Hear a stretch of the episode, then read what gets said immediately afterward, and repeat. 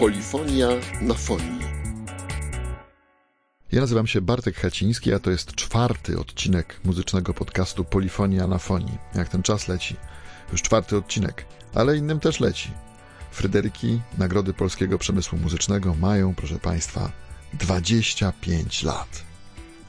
Chętnie bym Wam opowiedział, kto je dostał w tym roku, ale próbuję to rozgryźć od kilkunastu godzin i paru rzeczy ciągle nie jestem pewien.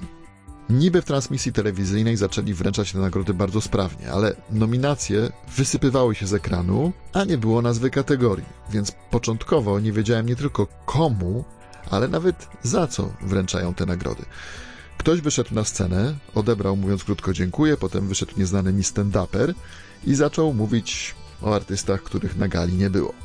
Prawdę mówiąc, całość wydawała się jakąś, nie wiem, przystawką do właśnie występu tego stand-upera, Rafała Paczesia, którego Magda Mołek, prowadząca tę galę w sposób naprawdę imponująco spokojny, zważywszy na okoliczności, zareklamowała jako mającego miliony odsłon na YouTube. Pacześ y, zresztą wracał jeszcze parę razy. Nie znałem człowieka, a po tym jednym wieczorze mam wrażenie, jakbym znał go od lat i może nawet za dobrze. Z przykrością muszę tylko stwierdzić, że żaden z jego dowcipów nie znalazł się mm, nawet w czołówce czterech najzabawniejszych rzeczy, jakie się zdarzyły tego wieczoru. Pierwszą z tych najzabawniejszych rzeczy był oczywiście żart Magdy Mołek o tym, że publiczność kupiła bilety na tę galę tak masowo, a publiczności było podobno około 5 tysięcy, po to, żeby zobaczyć występ Edyty Górniak. No, może nie był to dowcip zamierzony, może był trochę stary, ale w zderzeniu z występem Górniak z repertuarem sprzed lat okazał się wyjątkowo ostry. Drugą z najzabawniejszych postaci był Dawid Podsiadło, który miał udział chyba w sześciu Fryderykach wręczanych tego wieczoru. Ale miał też do zagrania wcześniej koncert w Sosnowcu, więc najpierw długo go nie było i nagrody odbierali inni, a później wszedł w końcu na scenę przy którejś kategorii, żartując, że ponieważ wszyscy myślą, że go jeszcze nie ma, no to dostaje dużo SMS-ów o tym, że wygrał. Trzecia najbardziej zabawna rzecz wydarzyła się z bardzo oczekiwaną kategorią hip-hopową. Nie ma jej nie ma. Ja czekam. Tysiące, może miliony widzów przed ekranami też. A Rafał Paczyś wychodzi już po raz trzeci żartować o gwiazdach disco polo. Więc spoglądam na smartfona. Znajomi piszą, kategoria hip-hopowa już dawno rozdana. Problem w tym, że każdy pisze co innego. Jedni piszą, że tako na fide, drudzy, że problem, trzeci, że wygrał OSTR. No i czekałem właśnie te kilkanaście godzin, żeby się ostatecznie upewnić, że Fryderyki dostała jednak cała trójka. Co po odliczeniu nominacji dla Tako za solową płytę, łącznie tych nominacji było pięć, oznacza, że tak naprawdę tylko Abradab nie dostał statuetki za album hip-hop roku w tym roku. Czyli jak na złość nie dostał Fryderyka ktoś, kto pół życia przemieszkał, no nie wiem, kilkaset metrów od miejsca, gdzie Fryderyki w tym roku wręczali. No bo pierwszy raz gala odbywała się w tej imponującej hali Międzynarodowego Centrum Kongresowego w Katowicach, a nie w Warszawie. Pozdrowienia dla Abradaba.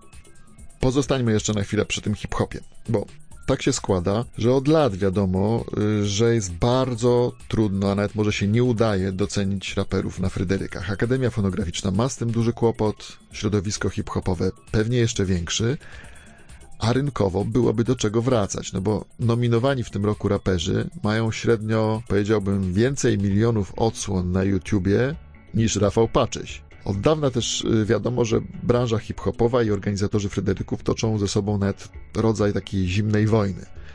W tym roku na gali jedyną rapującą artystką była więc Nosowska. Raperzy się nie pojawili, a po żadną z tych trzech statuetek, chociaż jak już powiedziałem, prawdopodobieństwo wygranej było naprawdę olbrzymie, nie zgłosił się nagrodzony artysta. Samo wręczenie odbywało się z kolei poza telewizyjną anteną. Można więc powiedzieć, że obie strony osiągnęły podobny poziom niekonsekwencji. Krytykujące Fryderyki środowisko hip-hopowe zgłosiło mianowicie swoje płyty do nagrody, po czym nie pofatygowało się po odbiór. A Akademia Fonograficzna, która nie mogła się zdecydować kto lepszy, przyznała aż trzy hip-hopowe nagrody, ale wszystkie wręczyła poza telewizją. Przejdźmy jednak do najważniejszych kategorii. Przede wszystkim nagrodę za płytę Blues Country otrzymał Robert Cichy. No dobra, to była próba złośliwego żartu, chociaż nagroda autentyczna. Utworem roku okazał się początek orkiestry męskiego grania, które było sponsorem imprezy. Ale nie twierdzę, że to wzbudza jakieś tam niepotrzebne wątpliwości. Wideoklipem roku okazał się początek orkiestry męskiego grania, które było sponsorem imprezy. Nie twierdzę, że to wzbudza jakiekolwiek niepotrzebne wątpliwości. Kiedy publikuję ten felieton, na scenie Międzynarodowego Centrum Kongresowego w Katowicach koncertuje właśnie orkiestra męskiego grania, które było sponsorem imprezy. Ale nie twierdzę już niczego. No pomyślicie, że to znowu jakiś złośliwy żart. A to czysta prawda. Za popowy album roku uznano oczywiście płytę Małomiasteczkowy Dawida Podsiadły. Podsiadły został też autorem tekstów roku i wspólnie z Bartoszem Dziedzicem kompozytorem roku. Za album roku alternatywny uznano, no właśnie, tu jest problem, no bo przecież były dwa albumy alternatywne. Jeden to album roku Alternatywa i tu wygrała Nosowska, druga to tak zwany pop alternatywny i tu wygrała Mela Koteluk. Nie będę wymieniać żadnych innych y, nazwisk, nazw nominowanych artystów, ale możecie mi wierzyć, że to nie był przegląd szczególnie mocno alternatywny. Za to sam ten pomysł wydaje mi się jest okrutnie przebiegły. Skoro nie udaje nam się przez lata zwiększyć udziału w gali artystów sceny alternatywnej, no to zwiększamy liczbę alternatywnych kategorii. I tak aż do skutku. Proponuję zwiększać dalej, wprowadzając na przykład alternatywne country albo alternatywny hip-hop. To ciągle znakomita, nowa przestrzeń, w której można przyznać nagrody tym samym artystom. Właśnie ze względu na takie sytuacje nie jestem zwolennikiem poszerzania liczby kategorii i całą tę tegoroczną decyzję, żeby obdarować różne mniejsze środowiska Fryderykami, uważam po prostu za błąd. Tym bardziej, że te wszystkie różne mniejsze kategorie pokazane zostały później tylko w parosekundowym skrócie gdzieś na końcu transmisji, okazały się nieważne, a jak wiadomo, transmisja telewizyjna jest ciągle bardzo, bardzo ważna do tego, żeby rozsiać informacje o tym, że w ogóle coś się przyznaje, coś się komuś rozdaje po świecie. Co do samych wykonań, nie było źle. Co do publiczności, było nawet zaskakująco dobrze, bo oczywiście ludzie zdecydowali się przyjść, kupić bilety.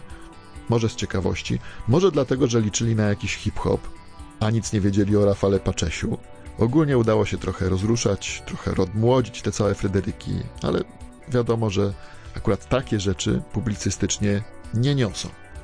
Dlatego muszę z radością stwierdzić, że na szczęście nie pozbawiono nagrody tych wszystkich zgrzytów i niedociągnięć, nad którymi co roku można się przyjemnie powyzłośliwiać. A właśnie, nie powiedziałem nic na temat czwartej, najśmieszniejszej rzeczy na tegorocznych Fryderykach, bo przyszła do mnie następnego dnia mailem. Otóż najlepszym dowcipem tegorocznych Fryderyków jest inna kategoria. Jaki jest przebój roku wybrany w plebiscycie publiczności? Weź nie pytaj. Do usłyszenia.